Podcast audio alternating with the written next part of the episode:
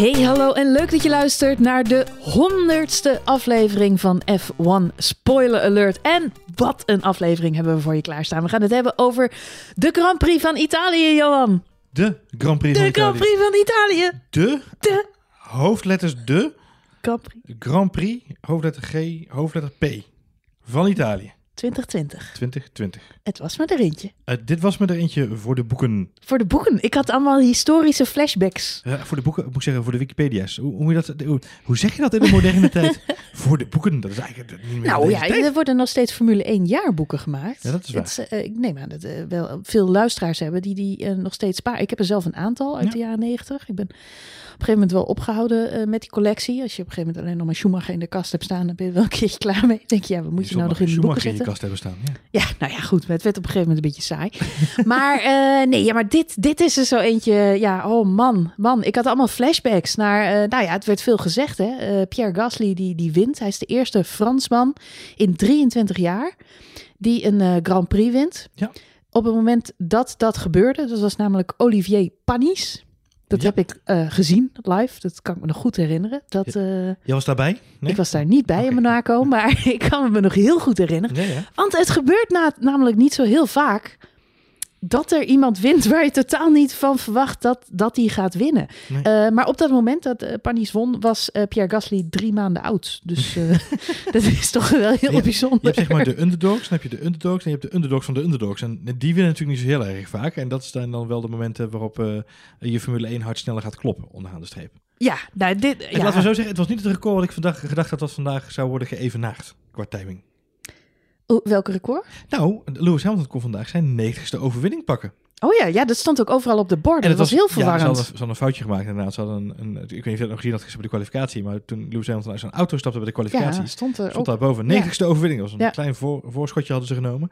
Nee, maar het, het- de, de, de, de, de, de, de poëzie, de, de dichtrijke Formule 1 had bedacht. Lewis Hamilton kan dit weekend zijn 90ste Formule 1 overwinning pakken. Op hetzelfde eh, circuit. Ja, Michael Schumacher zijn 90ste Formule 1 Ja, overwinning who pakte. cares?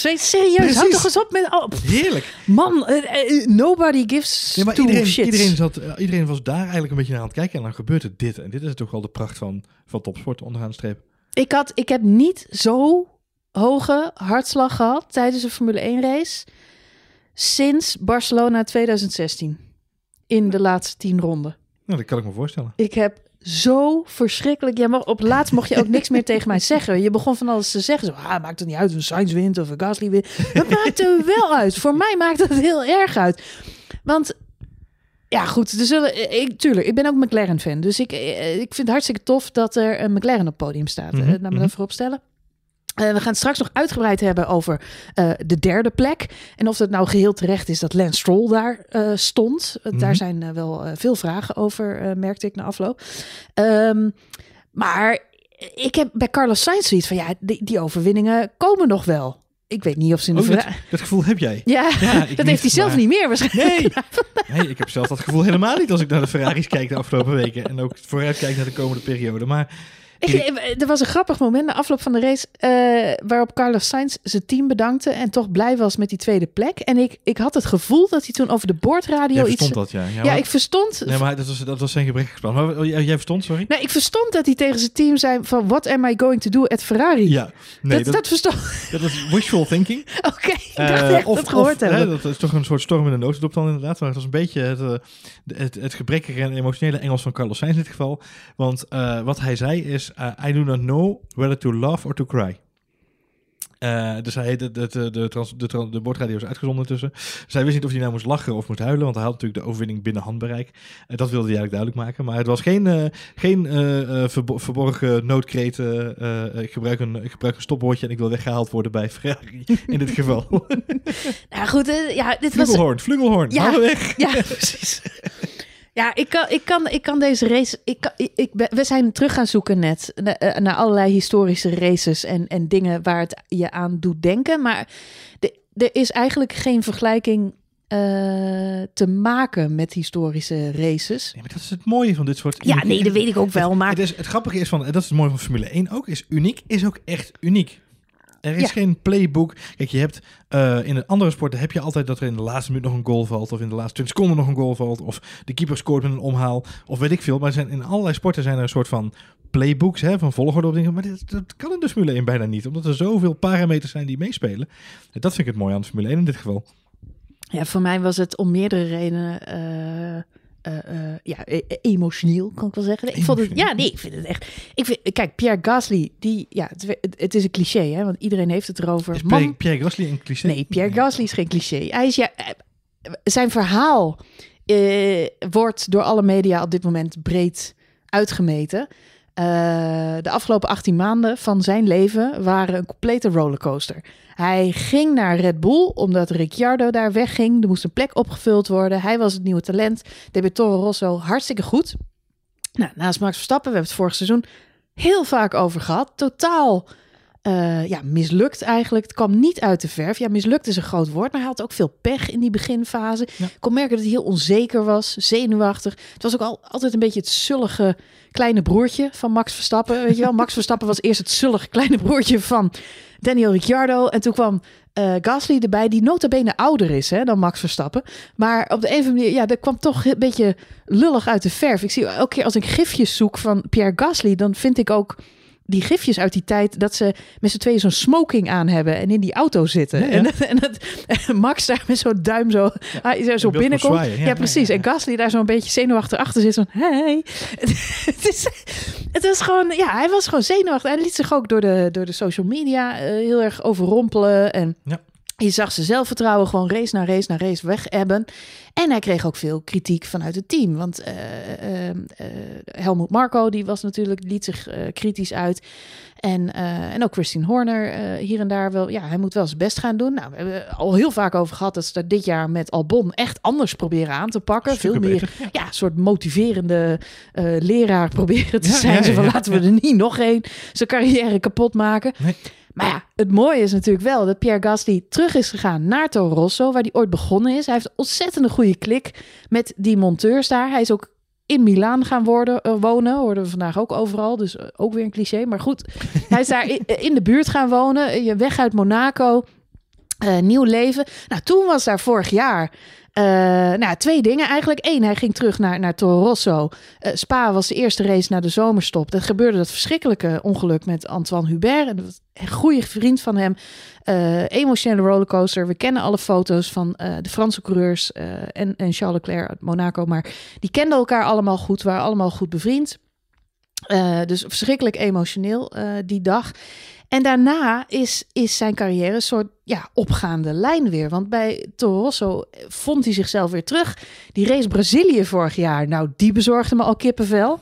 Dat was de, hoe hij daar Hamilton achter zich houdt op het lange recht stuk.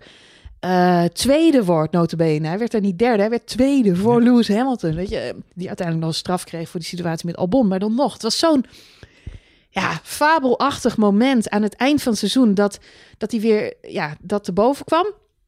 En dan dit seizoen bij Toro Rosso. Hij heeft gewoon een topseizoen. Laten we niet vergeten dat hij vorige race in Spa, vorige week, ook driver of the day werd. Ja, ja. Ook omdat hij weer een fantastische race eh, neerzette. Klopt, ja. En vandaag voor de tweede keer. Weet je, die gast, die, die- hij rijdt gewoon de sterren van de hemel. Het is een van de, de, de leukste coureurs van dit seizoen om naar te kijken en om te volgen in de race. En dat hij zijn eerste Grand Prix wint. Ik vind het, het is fabelachtig. En het is ook niet alleen mazzel, want tuurlijk moet je mazzel hebben. En de race vandaag, ja, dus allemaal dingen die op een bepaalde manier uitpakken. Eh, en eh, ja, hij heeft mazzel met het feit dat er een rode vlag is, dat de Mhm, race wordt mhm. stilgelegd, dat ze bij Mercedes stomme fout maken door Hamilton eh, op het verkeerde moment naar binnen te halen, die een penalty krijgt. Daar hebben ze mazzel mee. Maar het feit hoe Gasly vervolgens toch die overwinning binnenharkt, Ja. is knap. Zeker. Nee, ik kijk even naar de, de even, eh, jij zegt inderdaad een uitmuntend seizoen en ik kan het alleen maar onderstrepen. En een andere manier waarop je dat kunt bekijken is heel simpel naar de constructeursstand te kijken. Ehm, waar op dit moment eh, eh, natuurlijk eh, Mercedes joviaal en riant bovenaan staat. Die wonen daar, zou ik willen zeggen, huurvrij zo'n beetje. Ehm, maar op plek 7 vinden we Alfa Tauri. En op plek 7, Alfa Tauri heeft 47 punten, waarvan er 43 bij elkaar zijn gereden door Pierre Gasly.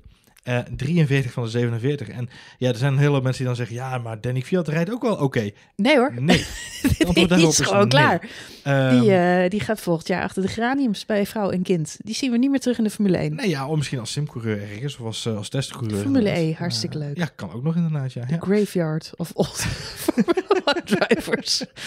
Nou ja, Mogen niet zeggen, oh. Nou ja, kijk, het, het is wel zo. het- je kunt niet meer eromheen dat Pierre Gasly. Maar hetzelfde geldt ook voor Carlos Sainz en voor Lando Norris bij McLaren. Die daar een renaissance van een, van een merk eh, in gang hebben gezet. Maar even nu Pierre Gasly even eruit pikkende. Weet je, als je 43 van de, eh, van de 47 punten bij elkaar koerst. Ja, dan ben je gewoon eh, in, in bloedvorm. Want dan Heeft hij nu meer punten dan Albon? Even kijken. Hij heeft nu nog niet meer punten dan Hm. Albon. Dat gat is nog wel verdacht klein. Want Alexander Albon staat op de zesde plek in het wereldkampioenschap met 48 punten. Vijf Pierre Gasly staat daar twee Oh, plekjes sorry, onder. ja. Eh, eh, op de achtste plek inderdaad. Eh, met 43 punten. Ja. Dus het gat is inderdaad maar vijf punten. Daartussen staat overigens Charles Leclerc met 45 punten. Mhm. Wat ook iets zegt over de prestaties van de heer Albon. Maar dat is een ander verhaal. ja, dat je in een Ferrari nog zoveel punten bij elkaar hebt gereden, dat is ook een Ja, of prestatie. in een Red Bull zo weinig. Eén van die twee. Ik laat het even in het midden. God. andere, andere moment van de podcast misschien. Maar Oh. nee, Pierre Gasly staat op dit moment achter in het wereldkampioenschap. Ja, hij doet natuurlijk vandaag een fantastische inhaal eh, move als het gaat om de punten eh, totale die hij haalt. Want hij schrijft natuurlijk vandaag 25 bij. Eh, maar dan nog, eh, 43 punten van de 47. Hij is gewoon de absolute leider van dat team op dit moment. Ja, eens. Ik, ik heb even wat, wat feitjes erbij gezocht. Even in, de, feitjes. even in de jaarboeken van vroeger gedoken. Het zijn, het zijn wel echte feitjes, hè? Het zijn feitjes, feitjes. ja, het zijn allemaal Geen feitjes. Amerikaanse feitjes. Nee, het staat op Wikipedia, dus dan, oh, is, het is het waar. waar. Ja. en op YouTube. Ehm, ja, nee, ik, even kijken, want iedereen had het natuurlijk over... Oké, de eerste Franse overwinning in, eh, in, in 23 jaar. Dus echt een tijd geleden. We moeten terug naar 1996. Olivier Panis, die won toen in Monaco. Dat was die rare regenrace... waar uiteindelijk maar vier auto's over de finish kwamen. Hij had het zelf ook niet verwacht die dag. Nee. Nee, nou wat ik grappig vond is dat Gasly het ook even... Die zag hem echt zo dat binnenschieten. Oh ja, verrek. Ja, En het was wel mooi, want in de latere interviews zei hij ook van... Nou, het is wel grappig, want toen ik met Formule 1 begon...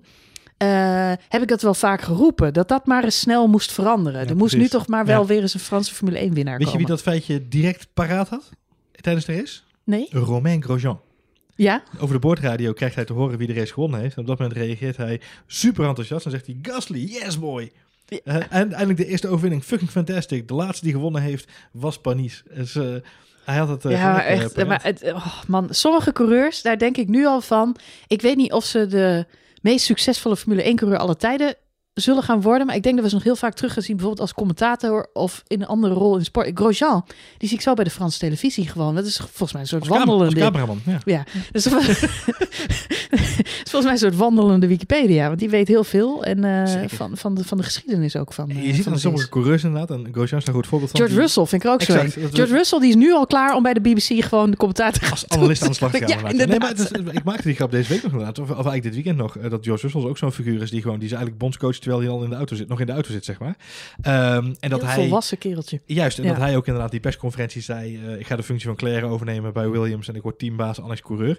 Weet je, Ook, ook zijn interview na de kwa- die kwalificatie. Hè? Ja, De- we zijn eh, allemaal ik, stel ik, maloten. weet niet of we er tijd voor hebben, maar inderdaad, we zijn allemaal een stel baby's. Dat we daar eh, Ja, ons als kleine kinderen gedragen in die eerste heerlijk. Q- Maar ook even, Q1. even, even duidelijk maken. Deze jongen rijdt zijn tweede seizoen Formule 1... en spreekt de rest van zijn medecoureurs ook gewoon aan... op dat moment al in zo'n... Hij zou ook een goede zijn om op gegeven moment die rol van Grosjean over te nemen. Want eh, Grosjean is toch bij ook de eh, GDPA. Ja. ja, de voorzitter van de Drivers, eh, Drivers Association, Association. Ik Maar het zeg zou ook wel... Ik zeg GDPR, dat is iets anders. Maar goed. Oké, we- Ja, maakt weet niet niet, heeft iets met corona te maken? Nee, dat klinkt heel eng. Het is, het, het is de Grand Prix GPDA. De Grand. Prix Drivers Association. ja, dat klopt wel. Eh, nee, maar George Russell zou ook voor zo'n functie... eh, het is een beetje net zoals in het voetballen. Dat je bij sommige voetballers heb je meteen zoiets... Oh, die is zeker aanvoerder. Die Ja. stralen dat uit, Ja. zeg maar. Dat Nou, nou heeft denk ik wel dat hij misschien daar nu nog een tikje te jong voor is om dat dan weer gelijk Nou, niet waarom niet? Maar Matthijs de Ligt was ook aanvoerder bij Ajax. Ja, daar heb je gelijk.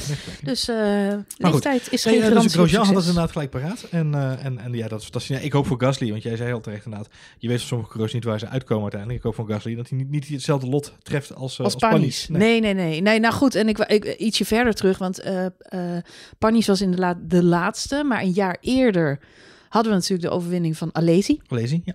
Op eh, het circuit van eh, Canada, Canada, ja. in 1995. En daarvoor, ook niet, niet zo heel eh, lang geleden, in 1993, eh, Alain Prost, zijn laatste overwinning. Jij zegt niet zo lang geleden. Dat is voor jou en mij niet zo lang geleden. Nee. Maar dat is voor een hele hoop mensen... Die zijn in dat jaar geboren. Ja, precies. nou, ik moet eerlijk bekennen, ik ben pas in 94 Formule 1 gaan kijken. Dus Ja. ik, heb, ik heb Prost ook nooit zien rijden. Maar Nee, precies. 93 is het, is het laatste jaar eh, waarin hij reed en waarin hij ook wereldkampioen werd. Dus hij pakte meerdere overwinningen hoor, dat jaar.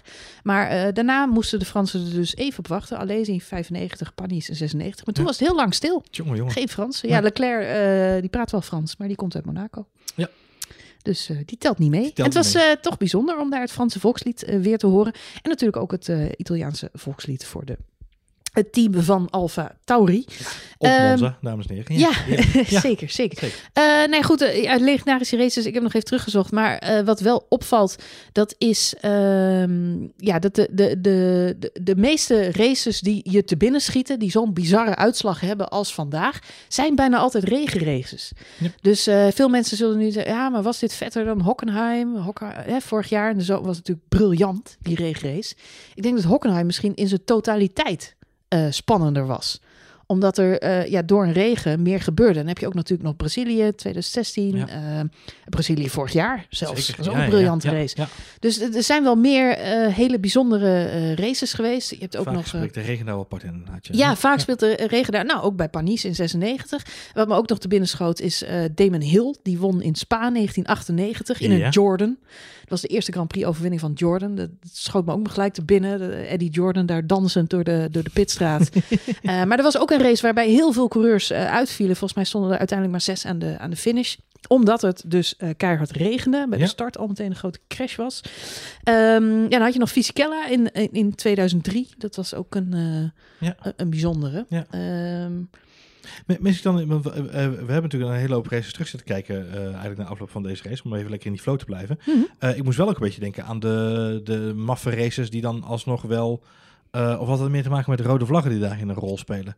Bijvoorbeeld zo'n Azerbeidzjan in 2017 uit mijn hoofd. Ja, ja, ja, nou, rode vlaggen was sowieso een tijdje geleden. Want Ja. de race werd stilgelegd. Dat, dat, dat zie je niet vaak als het droog is. Eh, maar dat heeft... eh, meestal zien we rode vlaggen bij een regenrace. Dan Japan 2014 als meest ja, tragische voorbeeld. één. De race werd toen stilgelegd omdat... Bianchi. Ja. Bianchi natuurlijk daar kwam eh, Ja. te overlijden. Maar ook omdat het daar zo verschrikkelijk hard regende. Dat veroorzaakte Klopt. eigenlijk die crash. Ehm, dus vaak is dat de aanleiding. Een rode vlag eh, wordt ook vaak gegeven. Eigenlijk precies wat we vandaag hebben gezien. Omdat er een kleine schuiver is geweest en er een bandenstapel Ja. Eh, kapot is. Of een vangrail.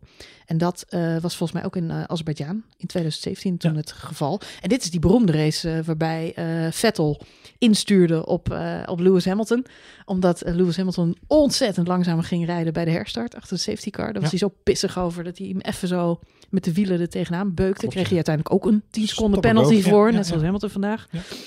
Ehm, en ook natuurlijk was dat de race met het stuurwieltje van Steering Kimi. wheel. Steering wheel. steering wheel. Ja. Maar het was een tijdje geleden, 2017, wat jij zegt. Dat is drie jaar geleden dat we Eh, een rode vlag hadden. Het is, eh, eh, volgens mij was het ook race dat wel Daniel Ricciardo daar ook heel veel baat bij had bij die rode vlag. Want die lag volgens mij op dat moment ergens ook rond de 13e, 14e plek vanwege een probleem wat hij had met de auto. Volgens Ja. mij een remprobleem. Ja. Eh, overwitte remmen of iets dergelijks. En toen had hij inderdaad ook die, die, die, die safety car kwam en die rode vlag. En toen uiteindelijk wist hij die race te winnen. Mhm, Dus mhm. je ziet ook wel, het is ook bizar om te zien dat zo'n rode vlag dan zo'n enorme impact kan hebben op de complete grid die door elkaar gehusteld wordt natuurlijk. Klopt, klopt. En ja, goed, wat, het was een beetje een Enerzijds van wat jij zegt, inderdaad, zo'n rode vlag situatie. Wat ook, eh, volgens mij zei Ricciardo het na afloop in een van de interviews. Hij zegt, een rode vlag is altijd eh, spannend eh, voor de coureurs. Want je wordt uit je raceritme eh, gehaald en daar moet je weer terug in. En Lennon Norris, die zei na afloop, hij zegt, eh, wat ook het verhaal is dat je moet starten op redelijk koude banden met een lichtere auto. Hij zegt, en dat klinkt makkelijk, maar dat is moeilijker. dus ik, eh, zo'n start opnieuw maken, dat is moeilijk, maar ook weer terug mentaal in die wedstrijd komen, dat is ook een tricky situation. En wat wij natuurlijk heel opvallend vonden, is dat, dat is dat we Lewis Hamilton er ook echt tussenuit zien knijpen. Ja, Lewis ging even wandelen vierdaagse beginnen. Ja, wij dachten, waar gaat hij nou heen, joh? Ja. Die gaat er op een stepje. Moet hij, moet hij naar zijn eigen wc? Of wat, wat, wat is Ja, hij het moest verhaal? waarschijnlijk een, number two doen inderdaad, maar dan kan je naar het motorhome. Het motorhome is in principe, natuurlijk, is in principe achter de garages. Dan kan hij gewoon naar de garage toe en dan door de achterdeur van de garage naar zijn toiletje als het nodig is. Maar dat was dus allemaal... Ja, maar er staan van die pijlen op de weg. Hij moest dezelfde... Nee hoor, nee, dat was hij niet. ging dus inderdaad naar een Ja. trap, trap op, trap af. Ja. Eh, En wat ik fascinerend vond, is dat de camera het allemaal volgde. Het is alsof, alsof Lewis Hamilton een soort, soort, soort spycam, zeg maar, Ja, achter zich aan heeft vliegen. daar- Er heeft daar een regisseur gezeten en de regisseur kan weer gezien, waar gaat Lewis Hamilton heen? Die Ja, gaat niet, een, die gaat niet een poepie doen. Nee. Het is paddenpoepie. We gaan eh, achter Lewis Hamilton aan, want die gaat iets anders doen dan een poepie. Dus, eh, nou, Nee, dat was ook zo. en dat was ook zo. Ja. Maar het heeft lang geduurd voordat we erachter waren Ja, want was. Olaf had geen idee. Dus die, Nee, daar Olaf- werden we niet veel Olaf van. Ook. Dat is wel een hele rare plek om een poepie te doen. Nou ja, Had hij dat wel gedaan op die plek, was het wel een heel ander verhaal geworden dit overigens. Want waar ging je heen Marjolein? Hij ging naar de stewards of the meeting. Want op dat moment hing natuurlijk die straf al boven zijn hoofd. Giovinazzi had hem al gehad op dat moment. Ja, en het was een beetje een rare situatie. Hoe gaat Hamilton hem nou ook wel of niet krijgen? En Hamilton wilde even eh, zelf de beelden bekijken. Alvorens hij die straf kreeg. Dus hij is even naar... die- Michael Massi gelopen. ja, gewoon... Gelukkig niet om een poepie te doen, want dat had een hele rare situatie opgeleverd in de, in de steward room. Jezus Christus. Ehm, Goed. Maar Voor- hij heeft de beelden teruggekeken. ja, hij heeft de beelden Wij teruggekeken. hebben die beelden ook natuurlijk 6 miljoen keer voorbij zien komen. We snapten Tot- er geen hol Tot vervelend Ja. toe. Ik denk, wat willen Dat ze nou duidelijk nou maken? Zet er Zet even een cirkeltje eromheen. een pijltje neer inderdaad. Teken een cirkeltje. Doe even een Instagram story erover of zo. Maar nee, het, het verhaal is dus, ehm, eh, ook voor jouw beeldvorming, dat, voor, ook voor de mensen die zich ook nu in de auto of in de, op de fiets of in de trein zitten en zich afvragen, wat wilden ze ons duidelijk maken? Er schijnen dus, ik heb ze nog steeds niet gezien, ehm, er schijnen dus buiten de pitmuur, schijnt er een bord te hangen, wat knippert, waarop staat pit lane closed. Nou, Lewis Hamilton ging naar Michael Massey toe om te zeggen, ik heb dat bord niet gezien. Nou, ik kan hem verzekeren, 6 miljard andere kijkers van de Formule 1 afgelopen weekend ook niet, want ik kon hem ook niet zien. Nee, maar alle andere eh, coureurs wel. Ja, dat is waar. Dus dat, daar zit wat in. Eh, en daarnaast was het natuurlijk dubbel geel. Eh, dus er was een, een hoop onduidelijkheid over. Maar goed, uiteindelijk heeft Lewis Hamilton de afgelopen dag gezegd... eh, ik neem hier voor, volledig de verantwoordelijkheid voor. Ehm, eh, en samen met het, ja, met het team... Toto heeft gezegd, ja, het is gewoon eh, slechte miscommunicatie. We moeten het gewoon laten voor het is. Ja, maar. Toto, Toto was er wel boos over. Wil ik even aanvullen. Want ik hoorde Toto nog interview geven. En ehm, eh, waarin hij zei van ja, luister, het is voor ons niet duidelijk. En voor de coureur ook niet. Nee, klopt. Hij zegt, we krijgen van de FIA instructies over eh, safety car en, hè, wat er dan gebeurt. Ja. Hij zegt, en op pagina 4 staat op dat moment dat de pitlane geclosed is. Dat hebben wij niet gezien en de coureur ook niet. Ik, vroeger stond er een soort stoplicht en er was gewoon een hele grote rode lamp Ja. dat je op dat moment de pitstraat niet in mag rijden. En die is er niet meer. Nee, dus nee, Toto was wel een beetje gepikeerd. Hij zegt, zet daar nou gewoon een rood stoplicht neer. Dan, dan Klopt. kan het niet missen. Nee. Eh, ik vond wel dat hè, we hebben de beelden vaak teruggezien. Ik vond het wel verwarrend, want er hangt daar ook heel veel reclame. Er hangen allemaal Heineken borden. Ja, die- er staat heel grote box, Ja, box. Zo'n knipperende aanbrie inderdaad. Ja, box, box. Lewis Hamilton die denkt alleen maar box, box. Dus hè, dat doe ik. Maar Bo- Bono roept me, ik ga. precies. Ik moet, ik, Bono me. Ja, precies. Dus die denkt, ik moet naar binnen. Dus, maar ik moet wel zeggen, hij was de enige samen met Giovinazzi die dat deden. En wat ons meteen opviel is, de rest blijft buiten. What's happening? Eh wij hadden het namelijk al over McLaren. En die moest een tweestopper gaan maken. Die zaten hartstikke dicht op elkaar op dat moment. Dat, dat zou spannend eh, worden, hoe ze dat eh, precies ja. moesten gaan doen. En ze gingen niet naar binnen. En de ronde daarna ook niet. Trouwens ook weer zo'n momentje waarvan ik dacht... nou, Olaf Mol, kom op. Dit is wel hè, dit, opvallend. Ja, ja, ja. Dus eh, moment om aan de bel te trekken en enig enthousiasme. Wat is hier aan de hand? Nou, nou bleek dus inderdaad dat de pitlane closed was. En Hamilton en. Giovinazzi daar helemaal niet heen hadden gemogen. Nee. Goed, eh, goede keuze geweest van McLaren om dan toch buiten te blijven. Nou, voor hetzelfde geld zetten zij ook even le- lekker niet op. Ja, en. McLaren doet daar ook nog iets slims. Hè? We hadden, ja, eh, Lennon Norris krijgt er uiteindelijk bijna een straf voor. Uiteindelijk de ronde later inderdaad. Ja, want ze Ja, zitten ja. zo lang achter die safety car. En Lennon Norris heeft op dat moment al in de smiezen gehad. Ik moet een beetje gat laten vallen, want we gaan een dubbele stop maken. Dus op het moment dat die pitlane eindelijk weer open gaat, eh, ja, gaat hij langzaam naar binnen. Omdat hij zich realiseert, nou, Sainz moet eerst stoppen. Ik moet er echt even vijf seconden achter zitten. Ja. Ehm, en dan gaat hij echt wel echt langzaam rijden in de pitstraat. Ja. Maar gelukkig voor hem niet te langzaam. Hij want, wel- eh, hij hij was nog wel even onder, under investigation. Ja, hij, omdat geeft hij even, daar, hij, eh, gaf, hij gaf een dotje op zijn rem om even was wat, wat Stroll wel... te eh, genereren. nee, Stroll niet, want die kwam niet naar binnen. Perez Perez, zat erachter. die Ja, was behoorlijk eh, Ja. geïrriteerd. Nou ja, Perez en Verstappen zaten daar recht achter. En wat hij eigenlijk deed is inderdaad net voor die, eh, de, de, de pitstraat entry nog even een dotje op die rem geven, waardoor er ook wat rookwolkjes ontstonden. Dus het zag heel spectaculair uit, want door, daardoor schikte ook Perez zich een hoedje. Die gaat ook weer op de rem. Dus dat Nou, het was vooral Perez zijn banden die zo die rook Exact, dus Ja. die maakte die rook inderdaad. Ehm, en uiteindelijk is hij onderzocht voor eh, eh, driving unnecessary slowly into the pit lane. Dan denk je, ja, ja, het kan. Het kan een overtreding zijn, maar het, uiteindelijk was het no further investigation. Zijn we gelukkig gewoon verder gegaan met de race. Maar het was wel precies het gat wat ze nodig hadden bij McLaren om die dubbele pitstop lekker te kunnen uitvoeren. Ja, en voor. Sainz om eh, de ruimte te houden naar achteren toe ondergaan zich. Maar goed, Ja, goed. Nou ja, de strategie, we komen zo nog op terug. Maar eh, qua ja, resume van eh, deze race. Het, ik denk dat veel mensen toch wel op puntje op de stoel hebben gezeten. met verhoogde hartslag. Either which way hebben we gewoon een heel eh, tof podium gezien. Eh, Pierre Gasly, Carlos Sainz en, ehm en Lance Stroll. Had je van tevoren, niemand heeft dat goed voorspeld. niemand in ons voorspelspel gaat er met de Niemand. volle vandoor de- deze week. Wie, wie had gedacht dat we dit weekend in Monza het Italiaanse volkslied nog zouden horen klinken? We hebben het in de voorbeschouwing nog over gehad. Ja. Van, zou er nog iets... eh, het zou wel heel gek zijn als er zoiets Ja, gebeurt. En toch gebeurt het. En toch gebeurt het. Het is de outsider die je niet verwacht inderdaad. Nee, nee ik had ook, ik, op het moment dat ze het podium toeging, had ik ook niet dat gelijk in mijn gedachten. Van, oh wacht, maar. En toen hoorde ik al die eh, monteurs inderdaad in het Italiaans natuurlijk met elkaar eh, eh, eh, Pierre Gasly ook feliciteren. Dus ik, oh ja, wacht, ze zijn natuurlijk ook gewoon een hartstikke Italiaans team. En want dat, ja, dat ontgaat je natuurlijk al even in, het, eh, in, het, in alle eh, eh, spanning. Dus ik, oh ja, ze zijn ook hartstikke Italiaans. We horen zo het Italiaans volkslied. En ja, dat is toch wel weer onderaan de streep. Een mooie ervaring voor alle mensen die het dan wel zijn. Zeker ook de Italiaanse mensen die er zijn. Wat ik persoonlijk heel erg mooi vond van dit hele podium, en ik weet niet hoe jij dat ervaren hebt, maar is de sportiviteit van de, het Formule 1 circus in zijn totaliteit. Ehm, zowel Gasly als Sainz onderling met elkaar, hè, knuffelen, high fives. Ook Stroll overigens uitgebreid feliciteren aan, eh, aan Gasly. En ze gunnen elkaar die overwinning echt. Lewis Hamilton kwam teruggelopen van het wegen nog om Gasly te feliciteren. En gaf hem een, eh, een extra eh, schouderklopje erbij. Ehm, je hoort ook over de boordradio, zei ik al, Grosjean hoor je roepen. Ook te. En die kwam ook in de, in de pitstraat gelijk naar hem toegesprongen. Ehm, Binotto, de teambaas van Ferrari, kwam teruglopen vanuit de malaise die zijn team heet. Om even te komen kijken naar de podiumceremonie. En applaudisseert, is gefotografeerd. Luid applaudisserend voor Pierre Gasly die het podium op komt lopen. Eh, ja, dat vind ik toch wel heel erg Het was te achteraf bezien heel jammer dat Seb Vettel zo snel eh, weg is gegaan. Tijdens de kwalificatie zagen we hem natuurlijk nog eh, echt langs het circuit staan. Dan lag hij ook snel uit, maar toen is hij nog even gaan kijken. Ja. Achteraf bezien, hij had natuurlijk een, eh, een klote dag. eh, maar misschien een overwinning van, van, van zijn oude team, Toro Rosso. Ja, laten we niet vergeten dat hij de laatste was mooi. die hier voor Toro Rosso die overwinning naar Ja, binnen en is de enige tot op heden. Want In dit is 2008. Ja. Ja. dit is de, de eh, ja, in, na twaalf jaar de, Ja. de tweede keer dat Alfa Tauri voorheen Toro Rosso een Grand Prix wint. Dus het is ongelooflijk. En ook op Monza inderdaad. Overigens was 2008 een, eh, een regenrace.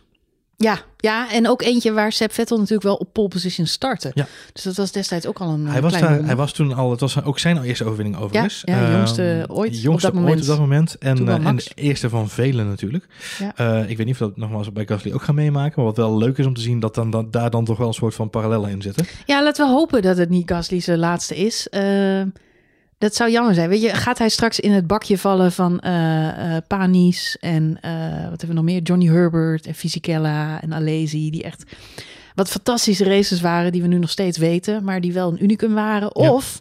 Wordt hij net als een Button eh, uiteindelijk iemand die vaker zo'n zo'n knotsgekke race eh, wint. En, Ja. en laten we hopen gewoon ook normale En nog races kansen gemaakt op een titel ook inderdaad. Een Button is Ja. gewoon nog een keer wereldkampioen geworden. Een van de mooie, ja, los van de historische waarde van de sport, want dit is ja, waar elke Formule 1 fan van droomt. Het is heel grappig dat we het in de voorbeschouwing nog over hadden. Dat we eigenlijk stel zelfkastijders zijn die de hele tijd naar zo'n hele voorspelbare sport zitten te kijken. Maar op het moment dat het dan een keer helemaal totaal anders is, zijn we er gaan met z'n allebei. we gaan door het dak. Echt tranen over. Ik had tranen over mijn wangen op het moment dat eh, Gasly eh finishte. Maar buiten dat het zo'n, zo, zo bijzonder is, dit soort races met totaal ander podium. Geen Mercedes, geen Red Bulls, geen Ferraris. Wat natuurlijk ook heel mooi is, is de, de persoonlijke prestatie van, van Pierre Gasly. Ja. En het werd vandaag nog weer aangehaald dat hij werd teruggezet naar Toro Rosso. En eh, kreeg toen van Hubert in die zomer nog een appje van prove them wrong. En vanaf het moment dat dat gebeurt, vanaf het moment dat hij terug is gezet en al, alles wat er gebeurd is in de afgelopen 18 maanden, is dat natuurlijk precies wat hij is gaan doen. En dat, dat geeft voor mij nog een extra tintje aan die overwinning van vandaag. Dat je iemand, een, een sport, sporter, in de goot ziet liggen en Ja. weer op ziet staan. En zichzelf opnieuw ziet uitvinden. Ja. En hij is gaan trainen, hij is gaan sporten, hij is ergens anders gaan wonen. eh, hij is an, dingen anders gaan doen en hij heeft zijn zelfvertrouwen weer teruggepakt. Ehm, ja, en ik vind dat hij daar heel veel respect voor verdient. Nee, absoluut. En, en eh, je ziet, we- zijn het al in de, in de voorbeschouwing, of, eh, net aan het eerste stukje al van, weet je, die Brazilië was al een, een aankondiging van het feit dat hij, als, hij de, als de omstandigheden juist zijn, als de auto meewerkt en, en het is een knotsgekke race, dan kan hij gewoon het uiterste uit die, uit die Toro Rosso, of uit die Alfa Tauri halen in dit geval. Ehm, kijk, wat ik me nu wel begin af te vragen is, zijn natuurlijk heel veel mensen die vandaag zeggen, nou, dit is eh, duidelijk appeltje eitje. We weten in ieder geval wie er volgend jaar naast Max zit bij, bij Ik zei, ik zei halverwege de race tegen jou. Ik zeg, als Gasly vandaag de Grand Prix wint, dan zit hij volgend jaar in een Red Bull. Ja, dat zei je inderdaad, ja. En ehm, ik moest daar een, een beetje over eh, nadenken, eigenlijk naar aanleiding van jouw opmerking. En toen dacht ik, maar misschien moet Gasly wel gewoon weg bij Red Bull. Ja, dat kan ook. Misschien moet hij wel gewoon weg onder de vleugels van eh Helmut Marco en, en nou, Frans Toos misschien wat minder, omdat dat nu heel goed loopt nu. Het was mooi geweest als hij naar McLaren had gekund volgend jaar. Nou ja, dat, In plaats van Ricciardo. Ja, maar weet je, er zijn natuurlijk legio momenten waarop, waarop hij zich op andere plekken kan gaan bewijzen. Het enige wat je, wat je kunt afvragen is, zit hij op dit moment op de juiste plek met de juiste budgetten en de juiste kennis van zaken? Want laten we even vooropstellen dat Honda nu dus met twee teams een eh, Grand Prix winnende motor heeft geleverd. Ehm, en je kunt je dus afvragen, zit hij op dit moment niet gewoon op de beste plek die er eigenlijk mogelijk is? Dat is wat veel mensen na afloop zeiden. Wil die wel een Red Bull? Want op dit moment is de Alfa eigenlijk beter gebouwd. Ik denk is- dat Max vandaag met liefde in een Alfa Tauri had gereden in deze wedstrijd. Nu was totaal niet te spreken over, over zijn Red Bull. En Nee. dat ding gaat nooit vooruit op, eh, op, Monza. Nee. En om heel eerlijk te zijn, uh, Alfa Tauri die zet daar wel een auto aan de start. eh, die het gewoon goed doet en ook echt snelheid heeft. Ja, d- dus, Dus, het ligt niet aan die Honda motor. Nee, die, dus die Honda motor is sowieso het probleem niet, want die wint gewoon deze race. Eh, en die houdt eh, ook de Renault en, eh, en de Mercedes motor van Stroll achter zich. Dus daar mogen we, hè, ook even kijken naar het einde van de party mode natuurlijk dit weekend, kunnen we vaststellen dat in ieder geval Honda daar aan de kant van Alfa Tauri eh, in ieder geval de juiste mix gevonden heeft, om zo maar even te zeggen. Maar je kunt je wel afvragen, is het voor Gasly het beste voor zijn carrière om, als hij de kans krijgt om op te stappen, eh, zeg maar naar Red Bull, of je dat één of je dat moet doen. En twee, of het niet veel logischer is om wel nog een jaartje misschien bij Alfa Tauri door te brengen. Volgend jaar is voor een heleboel mensen een overbruggingsjaar. En eens even gaan kijken wat die gekke silly season gaat doen in 2022. Want voor hetzelfde geld komt er dan een plek vrij voor hem, waar hij veel beter kan gaan strijden om, eh, om winst en, en om titels. In plaats van dat hij altijd... Kijk, blijf je bij Red Bull, blijf je, eh, zolang daar Max Verstappen zit... Blijf je naast Max Verstappen zitten. Uh, en uh, of het nou gaat om het talent van Max Verstappen of de politiek rondom Max Verstappen, dat maakt me niet zo heel veel uit. Dat mag iedereen voor zichzelf bepalen. Maar het feit is dat Red Bull een team is wat op dit moment daar in ieder geval als een eitjes uh, aan die kant van de garage in, een, in, de, in de basket gestopt heeft. Um, en weet je, dat zal volgend jaar niet anders zijn.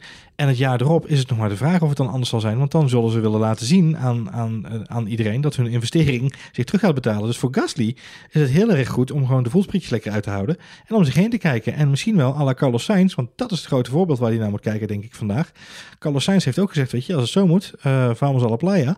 um, ik uh, ben Ik ga naar Ferrari. Ja. nee, maar die heeft wel de twee tussenstappen gemaakt. Renault en vervolgens McLaren. En dan nu Ferrari. Ja, kijk, of het de juiste keuze is, dat zal de toekomst moeten leren. Maar hij heeft wel een keuze gemaakt. Ik breek met het Red Bull team en ik ga uh, voor eigen succes. En misschien is dat voor Gasly ook wel een pad wat hij zou kunnen gaan bewandelen. Wie weet. Eens, eens.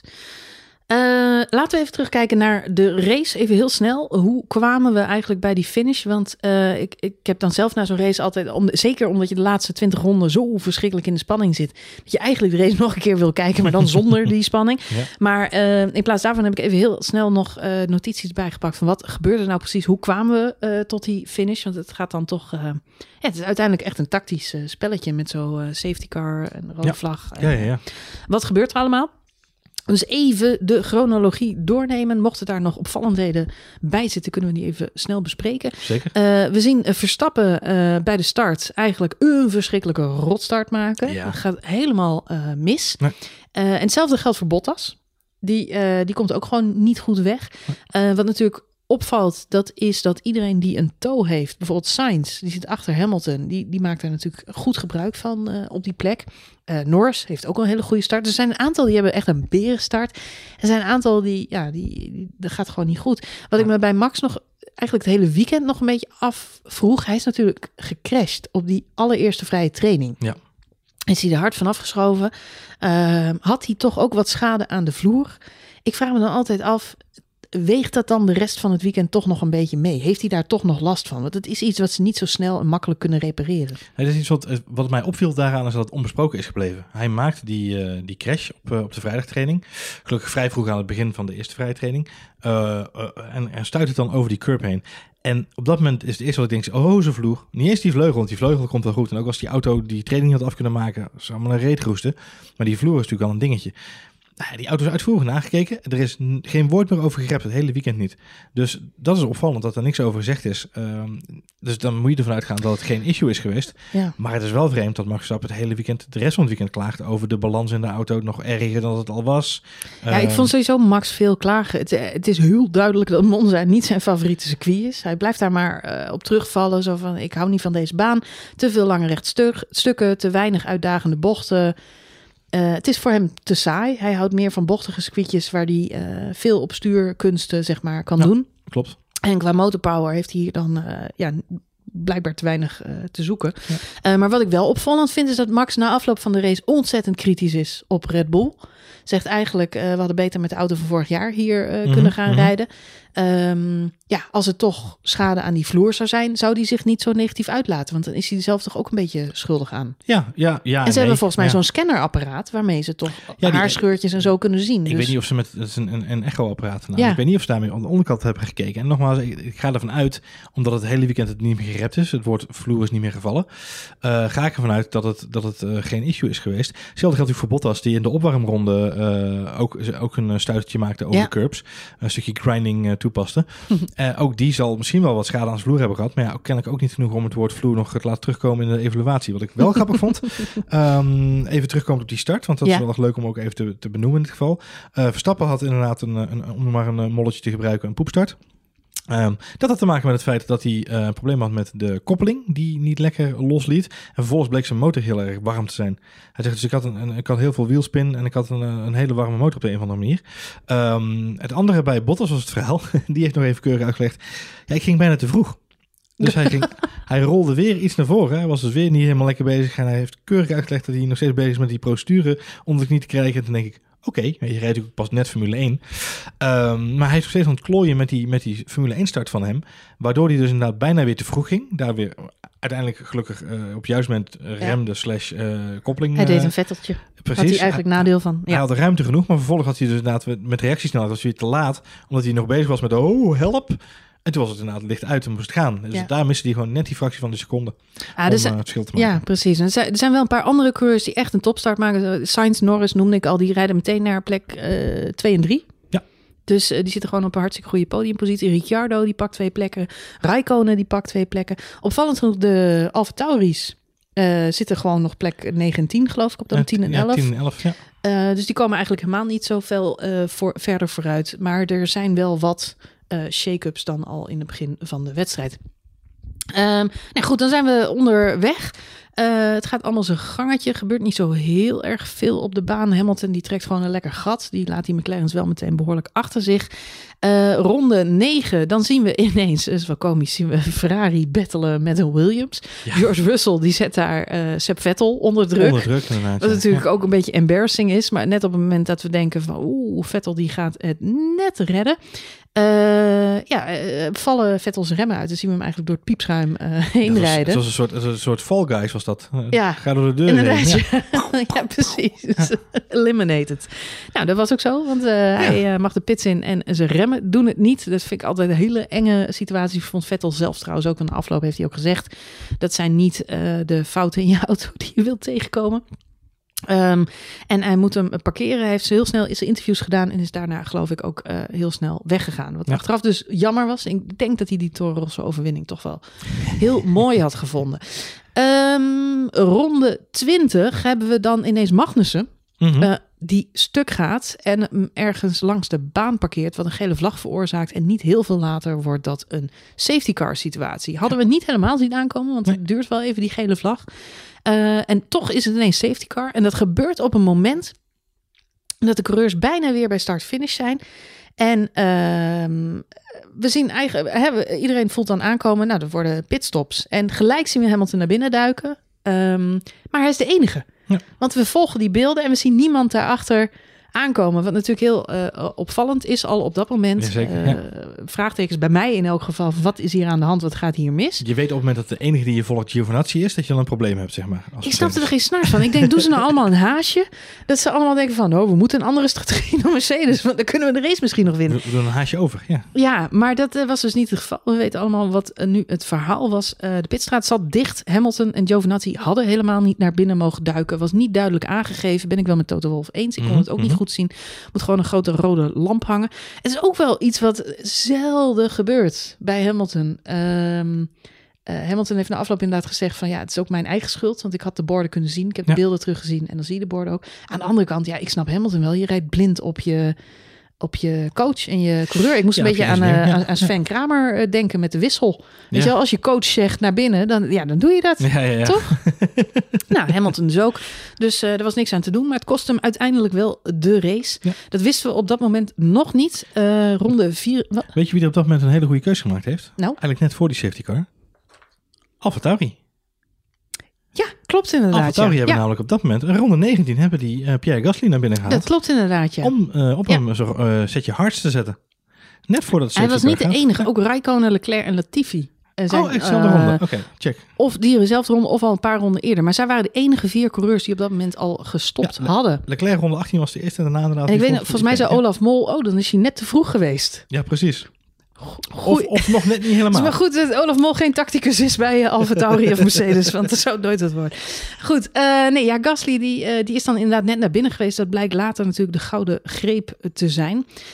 En dat zorgt ook eigenlijk, dus het begin van, die van, van die shake-up in het, in het veld. Voor Ja. de mensen die op dat moment de tv aanzetten, die zullen echt zoiets gehad, "Wer- wat gebeurt er Wat is allemaal? Wat is hier aan Ja. de hand? Rijden we reverse grid vandaag? Ja, wat ik persoonlijk heel jammer vond op dat moment, is dat ik natuurlijk twee McLaren's op het podium zag rijden en dacht, dit wordt de dag van mijn leven. En ineens waren die McLaren's weer helemaal eh, uit de picture. Want ehm, eh, ja, niet veel later eh, gaan toch alle coureurs pitten. En omdat de safety car dan al een aantal rondes rondrijdt, krijg je dat alles ineens door elkaar husselt. Ja. Eh, dus we hebben ineens een hele andere eh, volgorde. Eh, ronde 24 komt er dan een herstart. We hebben wel nog Hamilton dan op pit. En Stroll die is dan tweede. Dat heeft er alles mee te maken dat Stroll als enige niet, Niet gepit heeft. Ja. gaat pitten. Wat ook heel frustrerend is, omdat je denkt, ga er nou tussenuit. Maar je zit al door te rekenen dat hij er tussenuit gaat, omdat hij nog moet pitten. Dus dat komt straks wel goed, denk je dan. Maar dat komt helemaal niet goed, want we zijn nog geen ronde of de weg, of onderweg. Of Leclerc, die stuit het van de baan af. En hard ook. Ja, die laat even duidelijk zien wat Norris al zei in de, in de nabeschouwing. Is met koude bandjes op een lege tank, op een iets legere tank, is het moeilijk om, eh, om een goede start te maken. En die wil eh, net iets te hard op het gas eh, bij het komen, volgens mij, eh, van de bocht. En eh, een enorme eh, overstuurmoment. en vervolgens klapt hij rechtdoor zo eh, de, de, de bandenstapel in. Harde, harde klap. Wel heel fijn om te zien dat hij natuurlijk weer goed uitstapt. Die auto's zijn wat dat betreft toch echt eh, een zegen op dit moment met halo's en alles erop en eraan. Eh, hij huppelt gewoon weer weg. En ook heel knap, hij geeft achteraf keurig toe dat zijn eigen stomme fout was. Ja, zeker. koude banden inderdaad. Ehm, dus we hebben dan gelijk weer een safety car. Dat duurt niet lang, want een rondje later zeggen ze gewoon rode vlag. En dan zitten we inderdaad weer bij de situatie uit 2017 Azerbeidzjan. Ja, precies. Gaat het hele veld naar binnen. Ik vind het altijd een heel vreemd moment. Want dan stappen ze allemaal uit. Gaan ze thee drinken. Biertje drinken, ja, eh, chillen. eh, Hamilton zien we op zijn stepje dus ineens daar rondrijden. Eh, ja, ik, vind het, ik vind het een maffe vertoning. En net wat Ricciardo al zei. Het lijkt me heel gek om dan weer in de, in de, in de wedstrijd eh, te komen. Ja. Maar een van de allergekste dingen van die rode vlag... vond ik, En met jou meerdere mensen. met mij meerdere mensen... dat is dat je gratis nieuwe bandjes uit mag zoeken. Ja, ja het, is gewoon een, het is gewoon een pitstopmoment. Inderdaad. Je mag gewoon je banden ook wisselen. We zien dan heel veel auto's inderdaad zonder de banden. Die gaan er allemaal van af. Ja. Eh, en er is één coureur die daar eigenlijk het meest van profiteert. En dat is Lance Stroll. Want die was als enige nog niet gepit. Nee. En die zat op P2. Dus En die krijgt gratis nieuwe banden zonder een pitstop. Zonder een pitstopje. Dan moet ik daarbij zeggen, de rest van het veld neemt ook nieuwe banden. Want iedereen duikt uiteindelijk op, op, eh, op een nieuw setje eh, weer ehm, eh, de pits uit bij, Ja. de, bij de herstart. Maar ja, Lance Stroll, die, die heeft gewoon dik vette mazzel. En er zijn een hoop coureurs die daar na afloop in de interviews toch wel een beetje kritisch over zijn geweest. Dat ze die regel niet helemaal fair vinden. Ik zag ook ehm, eh, teambazen die da daarmee eens waren. Er waren journalisten. Eigenlijk iedereen zei, wat, wat is dit voor regel? Ja, precies. Dat dit eh, kan gebeuren. Ja. Ja, het is, eigenlijk, het is eigenlijk competitievervalsing natuurlijk. Nou ja, niet helemaal Je moet, je moet verplicht een pitstop maken in een Grand Prix. En hij heeft geen pitstop gemaakt. Nee, ja, dat, dat, dat ben ik wel met je eens. Eh, eh, dus, eh, maar hij heeft wel aan het bandenreglement voldaan. Dat is het moeilijke eraan in deze situatie. Hij heeft de mazzel gehad dat het kan onder een, onder een rode vlag. Maar ja, dat is hetzelfde als dat je de mazzel kunt hebben dat je onder een safety car kan pitten. Dat is ook een mazzeltje voor iedereen, om zo maar even te zeggen. Ja, maar dan maak je wel een, een echte pitstop. Ja, nee, dat, dat, dat, dat, dat maakt deze situatie... Hamilton mocht ook niet 10 seconden stilstaan in Ja, de pits. Het was vrij en lastig, dan hij stond, herstarten. hij stond vooraan en dan kan niemand Ja, erdoor. ja, dit is ook zo. Maar zo en zei, nee, maar bij wijze van spreken had hij, als hij Hamilton daar was blijven staan en 10 seconden en vanuit de pits had mogen starten, had hij daar meer voordeel van gehad dan wat hij nu had. Ja, maar dat zijn natuurlijk twee verschillende dingen die nu door Ja, ik weet het, maar, Maar, ik vind het eh, nog steeds niet fair. Dat, eh, Goed, Nor Norris was er in elk geval wel geïrriteerd hoor, want het kost Norris uiteindelijk een podiumplek. Ja. Had eh, Stroll daar niet tussen gezeten, dan waren die McLaren's gewoon 2 en 3 Twee en drie vandaag. geweest. Ja, ja, ja, ja, klopt. Dus eh, voor hem is het wel vervelend. Goed, eh, ronde 28 zijn we inmiddels. En dan gaan wij herstarten om en. Eh, en dan heb je dus totaal andere eh, volgorde. Hamilton heeft inmiddels een straf toebedeeld gekregen. Eh, die eh, spreekt hij af met zijn team. Die gaat hij gelijk pakken. Wil die gaan pakken in de eerste twee ronden dat ze weer op de baan zitten. Was je het niet mee eens? Nee, hij had zelf later eh, liever gepakt. En ehm, Ik geef hem daar geen ongelijk in. nee, ik dacht ook misschien logischer om dat op een later moment te Hij reed 10 seconden voor Carlos Sainz uit. Op het moment dat hij, eh dat hij safety was. Dus hij had 10 seconden voorsprong. Ja, aan de andere kant kun je zeggen, de race was niet zo heel erg lang meer. Nee. Eh, ze waren al Ja, over de, helft. Ja, net over de helft. Ja. Ja, en eh, hij had nu meer tijd om aan te sluiten en nog een aantal coureurs achterin te pakken en naar de zevende plek te rijden. ja, goed. Ja. Maar had hij inderdaad langer doorgereden, ja, dan had hij misschien... Als hij binnen Ja. twee, drie ronden eh, die 10 seconden had kunnen herstellen, had hem dat. Hij kwam nu op 25 seconden, geloof ik. 35 seconden kwam hij achter het veld aan. reed hij wel aardig dicht. En hij pakt de snelste ronde. Ja. En daar heeft hij ook nog een punt voor gekregen, omdat hij natuurlijk toch in de top 10 binnen gefinished is. Maar Kijk, kijk. had hij dus inderdaad 10 seconden voorsprong kunnen pakken, had hij dus nog voor Ricciardo kunnen komen. Had hij net achter Bottas gereden. Ik denk dat ze het bij Mercedes wel goed doorgerekend heeft. Ik ga ervan uit, maar ik vind het toch leuk om het erover te hebben. Ehm, wat ook cruciaal is na die herstart, dat is het feit dat Lance Stroll dan eh, eigenlijk eh, achter die Lewis Hamilton zit. En Gasly denkt, nou, daar moet ik gelijk korte metten mee maken. En dat doet hij ook, want hij pakt hem gelijk in de eerste de beste bocht. Waar ze weer, eh, ja, dat is een standing start. Dus de eerste beste bocht Ja. waar die Lance Stroll kan pakken, doet hij dat ook. En dat blijkt uiteindelijk best wel cruciaal voor die overwinning. Waar die ook een beetje mazzel mee heeft, dat is natuurlijk dat Raikkonen en Giovinazzi daar nog tussen zitten. Want we hebben dan een volgorde Hamilton, Stroll, Gasly, Raikkonen, Giovinazzi. Er zitten gewoon twee Alfa Romeo's daar eh, aan de kop van het veld. Dan hebben we Sainz en Norris. Bottas, die rijdt ook nog steeds rond. Latifi, die is eh, net als Gasly ook al vroeg gestopt. Dus die heeft ook het voordeel dat hij redelijk eh, hoog nog rijdt op dat moment. Ricciardo Verstappen, Ocon, Kvyat en de rest van het veld. Hamilton die gaat daar tussenuit. Gasly die pakt gelijk Stroll. Maar Raikkonen en Giovinazzi die zitten daar nog een tijdje achter. En daar moet Sainz dus eerst omheen. En dat is een fijn buffertje. Had hij dat niet gehad, dan had hij waarschijnlijk Sainz niet zo lang van zich af kunnen houden. Dat hij al veel eerder Sainz in zijn nek gehad. Ja, precies. En uiteindelijk, Sainz die heeft ook in de interviews gezegd... ik kwam eigenlijk net één rondje tekort. Ehm wat knap is aan die laatste 20 ronden... want we hebben het echt over 20 ronden die hij eh, dan nog moet rijden. Dus ronde 34. Dus dat is ongeveer, eh, wat is het nou, 6, 7 rondjes na de herstart. Mhm, mhm. Dan eh, ja, komt Sainz voorbij aan Rijkonen. En het gat met Gasly is dan 3,9 seconden. 20 rondjes te gaan. Ja. Dus eh, dat, dat is tricky. Vooral omdat je weet dat Gasly natuurlijk op kop rijdt. Hij heeft op zich wel lekkere topsnelheid. maar hij is niet zo goed als de McLaren.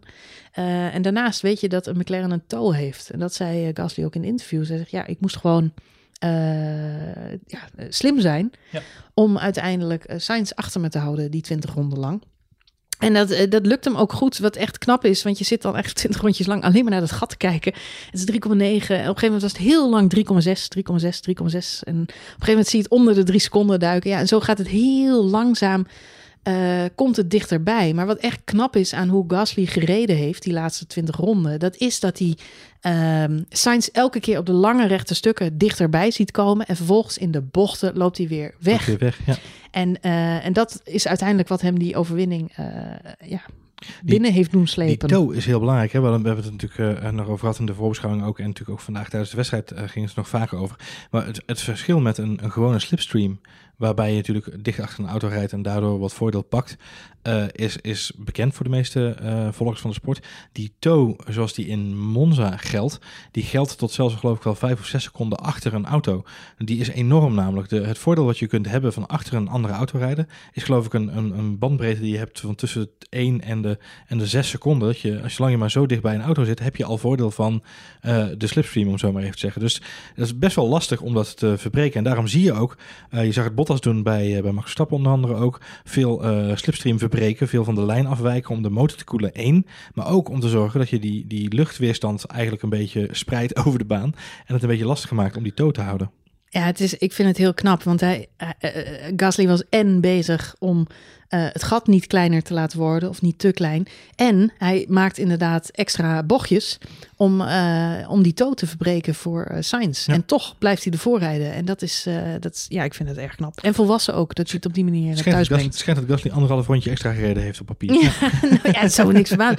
Nee, maar het is wel, knap. je ziet hem dat doen. En dat is uiteindelijk ook wat hem, wat hem helpt. Hij zei zelf na afloop in het interview, ehm, die inhaalactie op Lance Stroll, die was cruciaal. Daarna was het gewoon, eh, zoals in mijn Formule 2 dagen, waar die natuurlijk ook wel vaker gewonnen heeft. Het was gewoon een kwestie van eh, de overwinning naar huis rijden. Ja. Ik zou zo pist op mezelf zijn als ik in de laatste rondes eh, de winst, de overwinning zou verliezen. Ehm, maar hij had geen toe, dat wist hij. Hij wist eh, waar zijn zwakte lag. Ehm, dus ja, moest hij daar toch eh, zijn strategie een beetje op aanpassen. Ja. En ehm, hij werd daarin volgens mij ook gecoacht wel door zijn team. Jawel. Met de juiste tips en tricks, maar dan nog niet bezwijken onder die druk. En inderdaad, die overwinning gewoon binnenharken. En trouwens, Sainz zei het ook hè, na afloop. Hij zegt, ik heb mezelf niks te verwijten. Ik heb alles, alles ehm, in de strijd gegooid. Ja, Ja, alles ja, gegeven om dichterbij te komen. Achteraf bezien kun je zeggen, ja, ik kwam net één ronde tekort. Eh Gasly eh, zei ook van, ja, mijn bandjes die waren compleet eh, op aan het einde. Ik zat echt op mijn maximale, maximale vermogen van die auto. Maar Sainz zat het ook. Dus het is een strijd tussen twee, twee topcoureurs. En eh, volgens mij mogen ze allebei tevreden zijn Dat denk ik ook inderdaad. met dit eh, resultaat. Ja, goed. eh, ja, er waren nog wat situaties natuurlijk. Ja, Mercedes-Ferrari moeten we misschien even kort over hebben. Mhm. Mercedes, Mercedes. die hadden weer een topweekend. Die hadden een... Nou ja, kijk, Mercedes, wat Toto Wolff zo mooi zei... Voor ons was het een, een slecht weekend, voor de sport een goed weekend. A bad day for Mercedes, but a great day for Formula One. Zo is het. En zo is de godvader van Formule 1 ook weer... heeft hij zich ook weer uitgesproken. En, nee, kijk, ehm, bij Mercedes hebben ze natuurlijk een ontzettende voorsprong op de rest van het veld. Eh, in het constructeurskampioenschap is het 281 punten versus 158 voor Red Bull. Eh, dus dat is een, een gigantisch gat. Eh, Bottas staat nu op 117 punten, Hamilton op 164 punten, Max staat op 110. Dat is de laatste belager die ze nog hebben in het, in het drivers competition. Dus bij, bij Mercedes kunnen ze dit een keertje leiden. Dus die zullen daar eh, niet zozeer van wakker liggen dan misschien bij andere teams ze dat wel zullen doen, onderaan de streep. Ik, eh, ik was wel kwaad, want eh, we hebben vaak in deze podcast over hoe Mercedes eigenlijk nooit een off-day heeft. En dat dat er waarschijnlijk ook voor gaat zorgen dat het kampioenschap dit jaar gewoon niet de kant van Max Verstappen op zal gaan vallen. En dan heeft Mercedes een keer een off-day. Dan gaat er eens een keer iets mis bij Lewis Hamilton. En dan is Max er ook niet. Nee, als het dan toch een keer mis moet gaan voor Mercedes, weten ze vanaf nu, dan kan het maar beter op Monza zijn. Want op, Het is de tweede did not finish. Hij heeft een topseizoen Max Verstappen, maar behalve Oostenrijk de eerste race van het jaar en, en deze op Monza, dit is wel echt heel schadelijk. Ja. Had hij die twee DNF's niet gehad, had het er nu heel anders Ik heb uitgezien. het al vaker gezegd dat eh, Mercedes in het hybride tijdperk hebben ze een eh, gemiddelde DNF van één keer per seizoen. Eh één auto per seizoen, niet eens alle Mm. twee auto's, maar één auto per seizoen. Ehm, dat hebben ze nog niet gehaald dit, eh, dit eh, seizoen. Ze hebben tot nu toe nog alles kunnen uitrijden. Dus wie weet wat er nog aan gaat komen. Ik heb natuurlijk wel vaak gezegd, ja, als, als eh, het aan de kant eh, van Mercedes niet lekker loopt, dan is Max Verstappen er altijd bij om het, om het op te vissen, op te harken. En ik denk dat hij dat vandaag ook had kunnen zijn. Maar ja, die auto is er gewoon niet. Uh, en dan kun je zeggen, ja, Max is terecht kritisch op, uh, of hij is een beetje scherp naar Red Bull. Toen denk ik, ja, maar ik snap hem wel. Want hij is net zo gefrustreerd als dat wij dat als fans zijn. We zien met z'n allen Mercedes daar gaan. Um, en, en een beetje Max is het dan niet om die, om, om die schade op te pakken en daarmee aan de haal te gaan. Overigens denk ik niet dat als Max gewoon een normale race had gereden, dat hij vandaag per se deze race gewonnen had. Ik moet eerlijk bekennen dat de Mercedes qua snelheid wel weer op een eenzame hoogte stonden. Mm -hmm, zeker, ook, weekend, ja. ja, Lewis Hamilton aan het eind van de achteraan gewoon weer snelste rondes maken. Die reed 1.22, terwijl de rest van het veld 1.24, 1.25 rijdt. Dus het verschil met de rest van het veld was heel groot. Wat wel opvallend was, dat is dat de rest van het veld op dit moment zo verschrikkelijk dicht bij elkaar zit. Ja dat maakte ook dat de tweede helft van deze race zo verschrikkelijk spannend was. Omdat je eigenlijk een Alfa Tauri gelijkwaardig aan een McLaren ziet. En een Ferrari die met een Williams race. En... Tot aan de safety car, tot aan de ronde 20, was het zo dat Max reed dat met op P8. Uh, na de start reed hij naar P8. Hij mm -hmm. kwam terug naar P7. Um, en op dat moment reed hij uh, gedurende de, de hele stint tot aan de safety car. reed het hele veld tot aan P10 geloof ik. P10, het verschil met P10 en, en nummer 4 uit mijn hoofd, was maar drie seconden geloof ik. Dus dat was super te overzien. Maar je ziet gewoon aan, bij Red Bull zag je gewoon vandaag, ze zetten er niet lekker in. Want wat gebeurt er? Uh, safety car uh, ontstaat. Uh, vervolgens is er een herstart. Dan valt Max helemaal terug naar P13. En dat is gewoon heel bizar. Ja, maar dat had met die motor, motor issue dat te maken. moment nog niet, want dit was de herstart achter de safety car. Uh, daar heeft hij gewoon geen lekkere moment met die safety car. Uh, die rijdt daar weg. Nou, vervolgens hebben we inderdaad de mazzel, om het zo maar even te zeggen. Alhoewel dat voor Verstappen dus niet geldt. Die komt als dertiende binnen in die, bij die rode vlag. Staat dan dus ineens achter Perez en allerlei andere mensen die al, al die tijd uh, moeite mee heeft om in te halen, om het zo maar even te zeggen. Vervolgens gaat die uh, uh, rode vlag worden opgegeven. Ze gaan een staande start doen. En Max heeft op dat moment inderdaad echt een, een poepstart. En dat heeft te maken met een motorprobleem. En dan valt hij uit. Maar hij valt uit op plek 13. Albon finish vandaag op plek 15. Dus weet je, onderaan de streep hebben we veel gelachen om, om Ferrari de afgelopen weken. Maar wat Red Bull dit weekend laat zien, is gewoon echt ver beneden het niveau wat je mag verwachten van zo'n team. Alle drie de topteams hebben, de voormalige topteams moet ik misschien zeggen. Ja, maar die vallen vandaag gewoon een beetje door de mand. Uh, Mercedes in de interviews vooraf allemaal grote mond. Uh, party mode verdwijnt, maar uh, party gaat nog steeds door. we hebben de, de 1-2 tijdens de kwalificatie. Joehoe, we gaan het helemaal redden. Bottas, die heeft een blabberde start. Maar die klaagt vervolgens ook dat hij eigenlijk niet kan rijden. Ronde 17, heerlijk. Met die ja. nieuwe engine settings. Hij zegt, I can't race uh, it's with these it's a settings. joke. It's, a joke. Ja. Nou, uh, ondertussen begin ik me van Bottas echt af te vragen. Uh, de grootste concurrent van Bottas is volgens mij Bottas zelf. Want het Ja. is altijd wat. Het ligt altijd aan zijn auto. Of het ligt op de manier waarop het team met hem omgaat. Of het... Nee, kom op, Valtteri. De sauna was gesloten. Als je wereldkampioen wil worden, moet je de fout ook bij jezelf zoeken. En dan moet je Ja, gewoon klopt. beter worden. Ja. Dat gemiep de hele tijd. En ook na de kwalificatie, hè, weer boehoe. Want eh, waarom had Hamilton de toog gekregen en hij niet? En dan denk ik, gast, kijk even naar je rondetijden. Je zet gewoon twee track records neer zonder een toe. Ja. Lewis Hamilton, track records zonder een toe. Die Mercedes'en, die pakken die pole position daar. En de reden dat het uiteindelijk in Q3 geen totaal fiasco wordt, wat iedereen had voorspeld, dat is omdat de Mercedes'en gewoon vijf seconden voor het einde van de, van, van de kwalificatie de baan opduiken en denken, toe, toe, wat nou? Ja, Hebben wij niet nodig. We trekken hem gewoon door zonder party mode. Met andere woorden, spierballen van Mercedes, maar op de dag van de wedstrijd. Ja, eh. Ja. Ja. overkomt ze dit. Ja. En we hadden het er nog over in de voorbespreking. Elke keer als Mercedes te veel grootspraak, te veel, eh, hè, het komt allemaal wel goed en we zijn hartstikke sterk. Eh, dus ik, ik verwacht dat ze volgende week weer helemaal in de underdog-positie zitten. Ja. Ik weet niet wie dan de grote concurrent is. Ferrari, want het Ja. is een van Ferrari, Marjolein. Red Bull kan het op dit moment niet zijn, want van Red Bull hebben ze echt niks te vrezen zoals het nu gaat. Ehm, maar ja, het, ja, bij Mercedes gaat wel eh, ja, gaat een hoop mis. En deze, de fout om Hamilton naar binnen te halen is onderaan de streep ook een fout van het team. Kun je honderd keer Ja, zeggen. Het staat op pagina 4 en we hebben het niet gezien. Maar de andere teams maken die fout niet.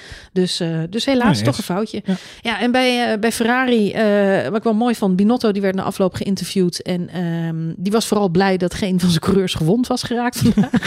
Dat is de Wat goede toch- mindset. Ja, wat natuurlijk ook iets is om gewoon blij over te zijn. Maar al met al, ja, Vettel, dat was natuurlijk een hele eh, gevaarlijke situatie. Omdat hij zonder eh, remmen eh, reed. En eh, Leclerc, die maakt gewoon een hele harde klapper. Dus uh, uh, absoluut drama. Um, wat dat betreft kunnen volgens mij ook alle conspiracy theories dat er ja, gesaboteerd wordt aan die auto's wel een beetje in de ijskast. Ja. Want Ferrari-monteurs die op Monza niet het beste van hun kunde zouden leveren, ja, dat, dat geloof ik niet. Nee, dat, dat, niet, dat, niet, dat, dat gaat nooit gebeuren. Nee, maar dat dat onderbouwen. Vettel heeft na afloop gezegd: Het is maar goed dat er geen uh, fans aanwezig waren. Dit was de slechtste thuisrace die we ooit gehad hebben. En uh, zoals jij van de week al terecht in jouw nieuwsbrief zei, er valt uh, voorlopig ook helemaal niks aan deze auto te fixen of te repareren. Die auto is al gebouwd, al um, in 2019, voordat die Technical Directive doorkwam dat, uh, dat die motor van Ferrari verboden was. Ja. En nu zitten ze ermee. They're stuck with, with this. En dat blijft volgend seizoen ook nog mee. Ja, zo. we're, st we're stuck with it. Ja. En, Ja. Dat, en dat weet Carlos Sainz ook. En dat is heel vervelend. Er gaan, ze kunnen volgend jaar een aantal kleine dingen veranderen. Maar ja, het, het, de, de designlijnen staan er. En uh, ze zullen echt van goede huizen moeten komen. Willen ze het uh, ook na 2021 weer op de rit krijgen. Maar goed, wat, wat ik ook uh, al zei inderdaad, is dat dus de winning cycles bij Ferrari, dus de, de overwinningen die zij boeken, dat zijn vaak wel stints die ze maken. Maar er zitten wel flinke periodes tussen. En we zitten gewoon op dit moment in zo'n flinke tussenperiode van Ferrari. Dus ja, laten we hopen dat met een nieuwe frisse wind, uh, die Carlos Sainz heet, ik noem, noem Carlos Sainz geen wind, maar het is wel een frisse wind. Um, en, en Charles Leclerc, hij heeft een jong team, uh, jonge, jonge coureurs. Um, gecombineerd met hopelijk wat, uh, wat, wat frisse energie in de designafdeling. Ja, dat zou ze misschien wel weer een stap verder kunnen helpen. Absoluut, absoluut. Uh, ja, goed, Red Bull als laatste. Albon, je zei het al, plek 15. Uh, Ja. Hoe gaat het met Albon zijn carrière, denk jij? Nou ja, die, die, die kwakkelt voort. Dus dat, dat gaat tot het einde van het seizoen gaan we daarnaar zitten kijken. Dat is een beetje hetzelfde eh, ontluisterende als bij Ferrari. Eh, alleen dit, in, in dit geval is het minder leuk leedvermaak, zou ik bijna willen zeggen. Eh, omdat, Hij had ook moeite om door de kwalificatie heen te komen, hè? überhaupt. Ja, maar dat is dus niet alleen Albon, dat is, gewoon, dat is gewoon de auto. Kijk, waar vorige week Binotto al op Spa zei van onze Ferrari is op Spa gewoon een niet goed afgesteld voor Spa. Ja, dat geldt voor Red Bull. In dit geval hier bij, eh, bij Monza. Eh, Red Bull heeft voor het laatste podium gepakt op Monza in 2013. Dus weet je, het is niet het circuit van Red Bull. Ze hebben daar gewoon altijd moeite. Ze hebben een hoog, eh, hoog opstaande auto. Ehm, dat hele concept van die high rake, dat blijft een, een dingetje waar veel discussie over is onder de tech-nerds van de Formule 1. Uh, maar dat is iets wat ze heel veel, uh, zeker in dit soort circuits, heel veel tijd en, en snelheid kost. Dus weet je, die auto is niet uh, het beste van het beste, maar dan nog, weet je, als je teamgenoot meestrijdt bovenin, in ieder geval voor, voor de punten. Als, als het een slechte dag is voor het team en jij eindigt op plek 15, uh, zonder dat je inderdaad echt een een, een uh, poot hebt weten te, uh, hoe noem je dat? Een, een, iets, iets, een pot hebt weten te breken. Sorry, die zocht ik. Sorry. ja, uh, ja dan, dan vind ik het wel opvallend. Weet je? Dat is voor Albon zal dat gewoon de story zijn van de rest van zijn seizoen. Uh, waarbij hij elke keer weer zal laten zien dat Max heel goed weet wat het maximale van die auto is. En dat Albon heel goed laat zien waar die auto staat. En, en dat is, volgens mij heb ik dit al eens vaker gezegd in de podcast. Ik denk dat als we naar Albon kijken, mm -hmm. dat is wat de Red Bull kan, ja. feitelijk. Uh, als je daar Hulkenberg in zet, gaat hij niet veel beter rijden. Nee. Um, uh, en als je daar Max Verstappen in zet, dan gaat kan, hij wel kan hij ietsje beter iets, rijden. iets ja, precies. Ja, dus dat is waar Omdat hij het forceert. Ja. ja, eens. Nou ja, goed, Albon, uh, ja, er was inderdaad niet over, om over naar huis te Hij wordt vijftiende. Dat klinkt nog alsof hij niet laatste is. Maar dan moet ik bij zeggen dat we natuurlijk vier coureurs hebben die uit zijn gevallen. Verstappen, Leclerc, Magnussen, Vettel waren er al niet meer bij. En Giovinazzi, die pakte later dan Hamilton nog die uh, 10 seconden stop- en go-penalty. Dus die reed helemaal in zijn uppie. Uh, ver, ver, ver achter uh, het peloton, om het maar even zo te zeggen. Die kon zwaaien naar alle kartonnen poppetjes op second. Ja, ja en dat betekent dat uh, Alex Albon onofficieel eigenlijk laatste is geworden. Hij kwam niet voorbij aan George Russell en ook niet aan Kimi Räikkönen, die overigens helemaal terugviel. Dus wat dat betreft qua slechte auto's, ja, Alfa Romeo die kunnen er ook wat van. Uh, dat was zo'n beetje de enige auto die nog echt makkelijk in te halen was, uh, had ik de indruk. Ja, dat was van insane aan het zien. Dat Want verder van plek we- 2 gewoon terugviel naar plek, uh, uiteindelijk plek 13. Dus dat is wel Ja, we hebben eh, verder nog maar weinig inhaalacties gezien hè, in die laatste 20 rondjes. Nee, ja, de, maar Het dat was positie verdedigen voor eigenlijk alle coureurs. Maar dat was eigenlijk in de eerste 20 ronden ook al zo. Ehm, en dat is ook wat Max Verstappen terecht zijn na afloop van de wedstrijd. Hij zegt, dit is gewoon een heel moeilijk circuit om in te halen. Je hebt gewoon uh, uh, heel veel... Als je in een DRS-treintje komt, en die waren er nogal veel, want je blijft wel dicht bij elkaar. Dus er waren heel veel DRS-treintjes. Ja. Ja, als je in zo'n DRS-treintje zit, dan kun je elkaar bijna niet inhalen. Dan heb je misschien Ja. één Misschien twee momenten op de baan dat je iets kunt proberen, iets kunt forceren. En je ziet ook vaak dat als mensen het willen, willen doen, dan is het of met heel veel gemak met de DRS. Hè, Mercedes, Lewis Hamilton komt terugrijden omdat hij in de Mercedes zit met een hele snelle motor. Ja. Eh, en daardoor kan je op het rechtstuk gewoon elke keer zeggen, hup, flapje open eh, en, en knal weer iemand voorbij. Ehm, als je kijkt naar bijvoorbeeld Albon of naar, eh, naar andere mensen die natuurlijk wat meer van racevermogen moeten hebben, ja, daar heb, die hebben maar één of twee kansen op zo'n baan om wat te doen. En dus weet je ook bij Carlos Sainz bijvoorbeeld, dat hij toen hij zijn tweede Gemist had, dat, het niet meer ging lukken. Want ja, dat waren toen een beetje de enige twee kansen die hij had. En vanaf daar was het klaar. Dus ja, dat maakt Monza ook aan de ene kant wel weer een beetje voorspelbaar. Ja. Absoluut, absoluut. Ja, goed. Nee, ja, eh, inderdaad wat jij zegt. Veilig. Eh, Lewis Hamilton die komt natuurlijk nog wel mooi terug daar op het laatst. En we zien Sainz en Gasly die pakken allebei Stroll. Wat natuurlijk eh, cruciaal is voor hun beide wedstrijden. En wat ook knap is, want die zit niet in een hele slechte auto. De Mercedes deed het gewoon goed Ja. van Racing Point. Zeker. Oké, ehm, jij nog iets toe te voegen? Nee, Anders gaan we naar de punten. laten we een puntje gaan geven. Puntjes. Ja. Speaking of punten, Pierre Gasly. Ja. Wij zijn in het 48 punten. Daarvan 43, ja. Sorry, ja. 43. Ja. Ja. daarvan pakt hij er 25 in deze race. Vandaag, ja. ja. Dus dat is een lekkere, Hij maakt een flinke boost. een lekkere boost, zo'n Nee, overwinning. Dat geldt voor Sainz en voor Stroll hetzelfde. Want Sainz die, eh, die stond nog vrij laag. En die heeft natuurlijk redelijk veel pech gehad de afgelopen weken. Dus die stond nog vrij laag. Maar die pakt nu ook gewoon lekker even 18 puntjes erbij. Heb Dus jij het lijstje van de stand in het wereldkampioenschap toevallig bij de hand? de top 8 heb ik bij de hand. Ah, heel goed. Top 8 is op dit moment Lewis Hamilton, 164 punten. Valtteri Bottas met 117. Max Verstappen op 110. Dan staat er op plek 4, eh, vlak hem niet uit, Lance Stroll met 57 punten. Jeetje, de Eh, lachende derde, zou je bijna zeggen. De lachende vierde in dit geval. Ja. Eh, de lachende vijfde, want die sluit daarbij aan, is Lando Norris. Die heeft ook 57 punten namelijk. Ehm, dan pas zien we Alexander Albon met eh 48 punten. Charles Leclerc eh, in, die, eh, in die tractor van Ferrari rijdt hij gewoon nog 45 punten bij elkaar voor de zevende plek. Ehm, en Pierre Gasly eh, stijgt dus, is de, de hoogste nieuwe binnenkomer, chop, chop, met 43 punten op plek 8. Ehm, als we dan kijken naar de constructeurs, dan is Mercedes ja, ongenaakbaar, 281. Eh, Red Bull Racing 158, hebben dus vandaag eh, geen punten erbij gekregen. Hm. McLaren maakt een reuzensprong om die derde plek te consolideren. We hadden het in de voorbeschouwing al heel even over. Hè. Kunnen ze consolideren op die derde plek? Nou, dat kunnen we stellen dat het wel gelukt is, want die gaan naar 98 punten het weekend. Eh, Racing Point doet natuurlijk ook geen, eh, geen slechte zaken. Alhoewel Sergio Perez verrassend laag eindigt op plek 10. Maar die gaan naar 82 punten voor de vierde plek in het kampioenschap.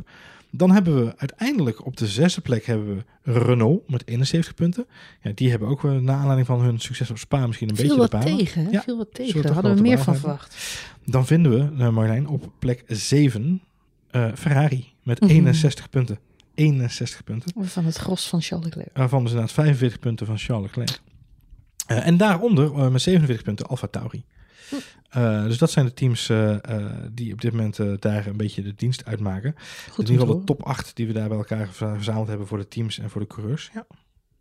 Dus als we de volgende races gewoon niet meer naar de Mercedes kijken, hebben we een heel spannend seizoen te pakken. Nou ja, stel dat je inderdaad eh, twee Als we, die gewoon hun eigen, als we die gewoon hun eigen Grand Prix geven. Ja, dan moeten we Max ook wegnemen eigenlijk, want die staat ook al. Die heeft bijna een dubbel aantal punten van. Lance Stroll. Dat is dan weer niet goed. Dus eh, dan zouden we, als we, ook niet, als we ook Max niet zouden meenemen in die optelsom, dan zouden we Stroll, Norris, Albon, Leclerc en Gasly binnen eh 14 punten van elkaar hebben. Dus ja, dat is wel spannend. Ja. Nice, nice. Oké, laten we naar de cijfers gaan. Voor Cijfers, de. Cijfers. Pierre Gasly. Krijgt ze mij een 9,5 Ah, een 10. ten 10 van Een mij. Ik 10. had niet anders verwacht. Een 10. Goed. Carlos Sainz. Er is maar één coureur die eerder dit seizoen voor mij een 10 heeft gehad, volgens mij. Ja, dat zou kunnen. Dat was Valtteri Bottas. Ik weet niet.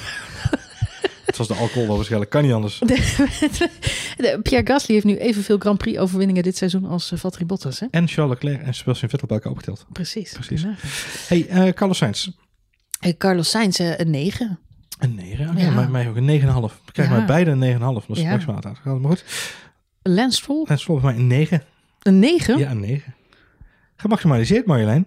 Gemaximaliseerd. Ja, Hij laat zich een beetje de kaas van het brood eten in die Nee, laatste rondjes. Had Nee. die race kunnen winnen? Nee, dat had hij niet. Ja, had hij wel. Nee, want daar heeft hij het vermogen niet voor. Want je ziet dat eh, Sergio Perez op plek 10 eindigt. Dus, Ja, maar moet- Sergio Perez die laat het altijd afweten als het erop aankomt. dus wat heb je dan Stroll gegeven, Marjolein? Eh, een 8. Een 8. Oh. Ja, maar minpunten omdat hij eigenlijk... Hij had meer, er had meer in gezeten voor hem. Mhm, mhm, mhm. Eh, het was gewoon een kwestie van uitrijden. Zoals Gasly zegt. Nou, dat is waar. Dat is waar. Lennon Norris. Krijgt van mij een 8. Eh, ja, voor mij ook een 8. Eh, komt goed terug in de race. Valt onwijs goed aan. Ook zeker in die eerste fase van de wedstrijd. Had eigenlijk hier ook een podium verdiend. Maar ja, Lance Stroll met Ja. zijn gratis pitstop. Jammer Stroll. Valtteri Bottas. Krijgt mij een 7. Ik heb een 6. Ik vond het een matige wedstrijd van Valtteri Bottas. Hm. Kon eigenlijk geen potten breken. Dat is waar. En hij moet echt over zichzelf heen. Get over yourself. Want Ga, dat ga, eens over jezelf, ga eens over jezelf heen. Ja, maar hij begint, het is alsof Lewis Hamilton hem heeft aangestoken. Serieus, dat gejammer de hele tijd. Kom op, Valtteri. Aan de bak. Als je wil winnen, moet je gewoon sneller zijn dan die andere gast. Zo simpel is het. Daniel Ricciardo. Krijgt mij een 7. Eh, nee, ik heb ook een 6. Want eh, Renault heeft gewoon niet gemaximaliseerd, Johan. Nee, ja, dat is waar. Lewis Hamilton. Eh krijgt mij uiteindelijk een zeventje, omdat hij eh, weet terug te rijden naar die eh, zevende plek in dit geval. Ja, Ja, van mij een 8. Hij eh, reed natuurlijk gewoon een prima wedstrijd. Maar wordt eigenlijk dus team een beetje benadeeld. Misschien had hij zelf ook beter uit zijn doppen kunnen kijken. Maar wat ik al zeg, Sven Kramer. Ja. Als de coach zegt dat je naar binnen moet, dan ga je naar binnen. Ehm, Esteban Ocon. een zes en een half. Ja, voor mij een 6. weer achter Ricciardo. Eh, oh, de kwalificatie.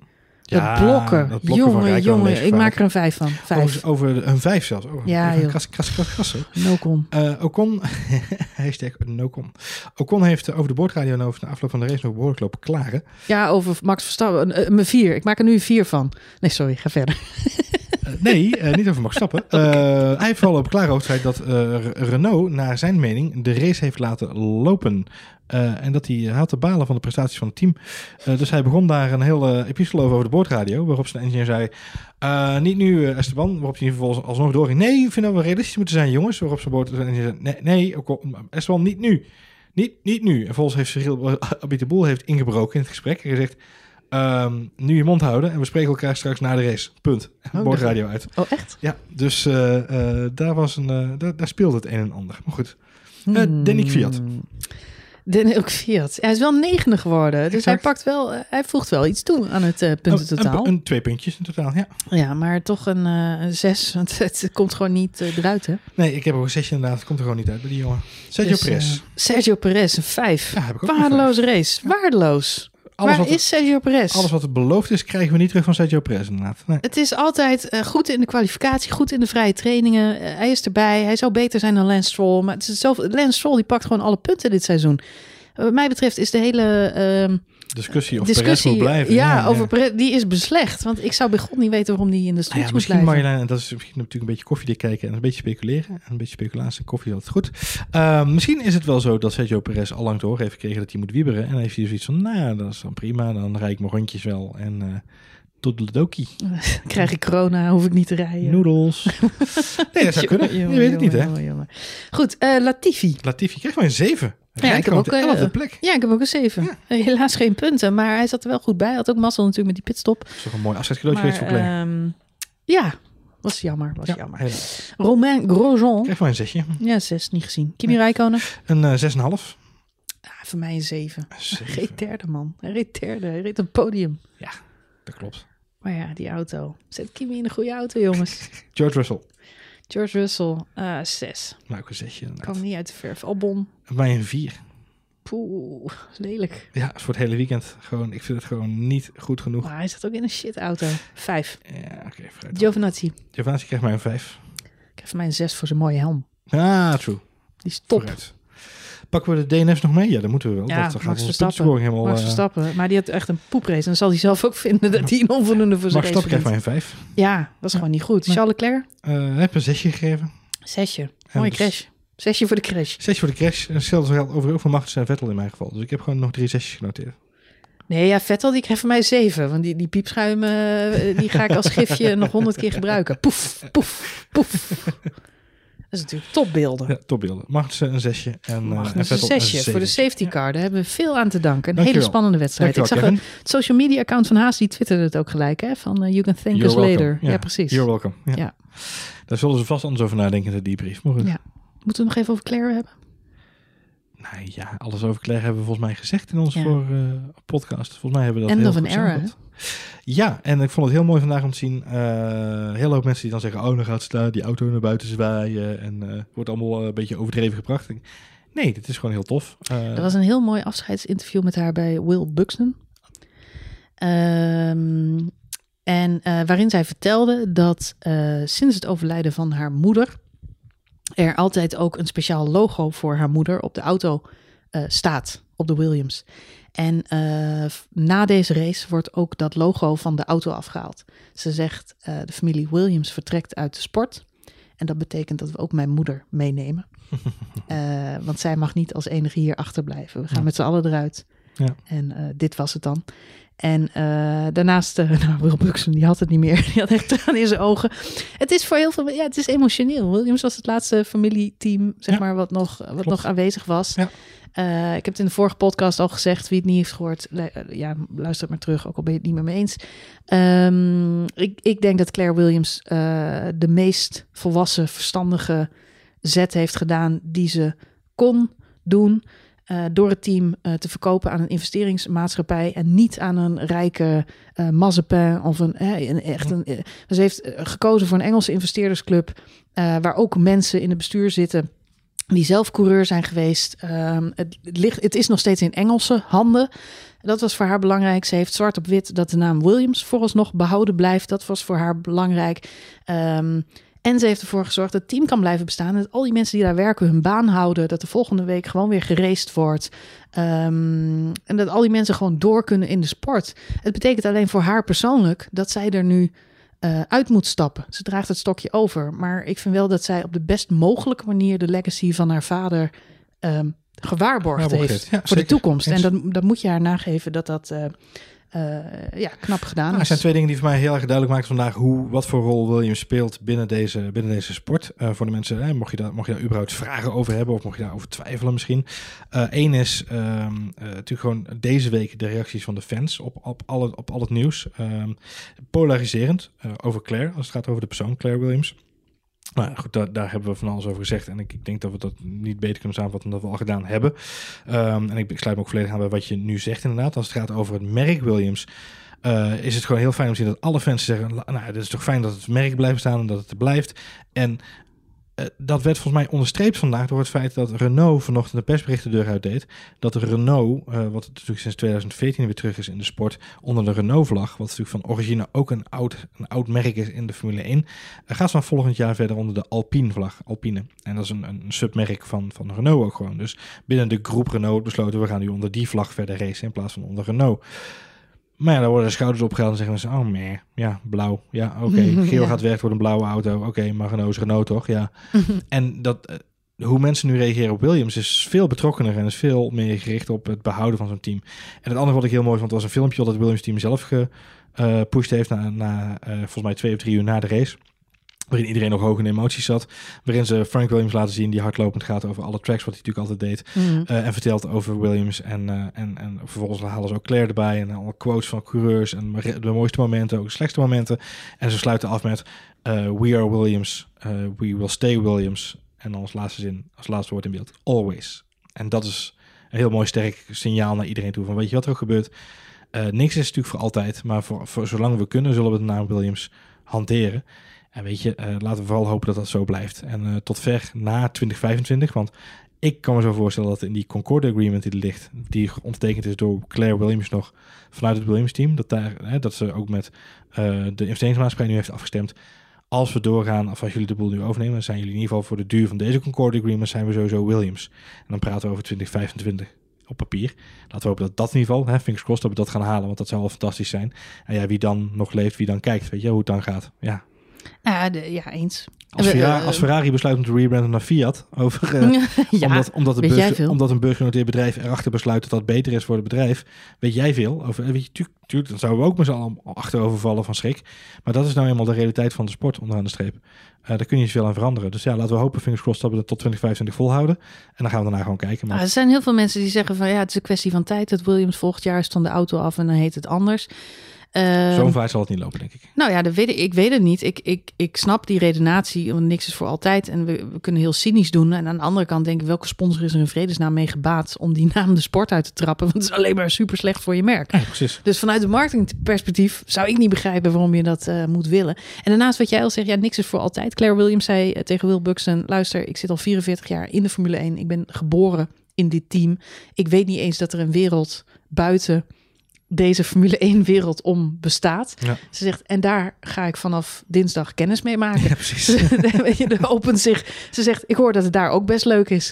Dus eh, nou, dat ga ik dan maar onderzoeken. En eh, ja, goed, ze heeft ook nog een broer, geloof ik. En ze heeft inmiddels ook een Ja, maar dat vroeg me kind. Halen ze die broer wel uit het archief? Ja, ik die- wou net zeggen, die broer is directeur van het Williams archief. Ja, dus, als de eh, familie eruit stapt, hoop ik wel dat ze die jongen niet vergeten. Anders Ja, komen ze nou ja, een paar jaar tegen. Het, eh, het is, ik snap haar ook heel goed. Weet je wat had zij moeten doen? Tot in lengte vandaag eh, dit team eh, moeten runnen.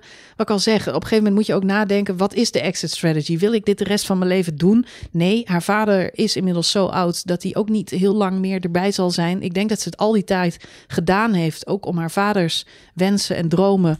eh, te waarborgen en Ja. waar te maken.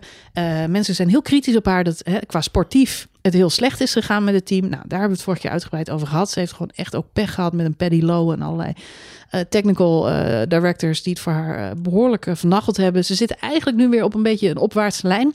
Dus ik, ik heb er alle vertrouwen in dat ze wel weer terugkomen. Maar vooral financieel en zakelijk heeft zij dat team boven water gehouden. Ze bestaan nog en ze bestaan nog steeds en ze kunnen door. En dat is haar legacy en ook de legacy van haar vader. En wat dat betreft moeten we er niet verdrietig over zijn, maar alleen maar trots. En wie weet, wie weet komt ze ooit weer terug als Ja, ze wat ouder is. Of wie weet komt er zo'n, eh, volgens mij heeft ze een zoon of dochter, weet ik eigenlijk niet. Of allebei. Eh, ooit weer terug. Of, of de broer, of weet jij veel. Misschien komt er ooit weer een Williams op die positie eh, terecht. En dan niet als eigenaar, maar als eh, teamlead. Bestuurder. Ja, weet jij veel. ja, Kan allemaal. je weet het niet. De Grand Prix van Monza 2020. Het was me er eentje. Volgens mij gaat deze podcast de Grand Prix van Duitsland qua tijd. Denk je? Moeten we snel doorpraten, dan gaan we nog verder. Laten we snel afronden. Of snel afronden. Eh, volgende week Grand Prix van Mugello. Mugello. Mugello. Ja, de dus duizendste eh, Grand Prix van Ferrari. dat wordt met er eentje, Om, Johan. om en nabij de duizendste. dat wordt met er eentje. Geen Italiaans volkslied, ben ik bang. Ik weet het niet. Er Zijn Je misschien, misschien, nooit, dat nooit. Misschien dat Gasly er wel zin in heeft. Ja, Misschien heeft hij nu de smaak te pakken. ja precies. Eh, iedereen kijkt naar uit. Zelfs Max Verstappen zei van eh, iedereen kijkt binnen Red Bull ook uit naar de volgende week. Dus ik ben heel benieuwd. Een nieuw circuit. het is wel een nieuw circuit inderdaad. Dus eh, alle, voor alle coureurs eh Relatief nieuw inderdaad. Ja. Spannend. Ja, ben benieuwd. Leuk toch? Ja.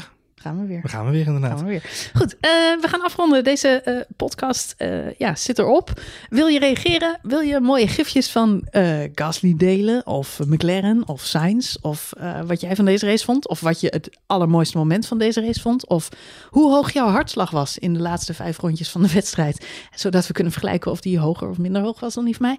Ehm, dan kan dat. Via Twitter. Dat kan via Twitter naar F1 Spoiler Alert. Of naar Ed Marjolein. Of naar Johan Voets. Of in onze Telegram app. Die je kunt vinden door te F1 zoeken in Telegram naar F1 Spoiler Alert Chat. Yes. Heel Ja. graag. Tot Volgende week alweer. volgende week.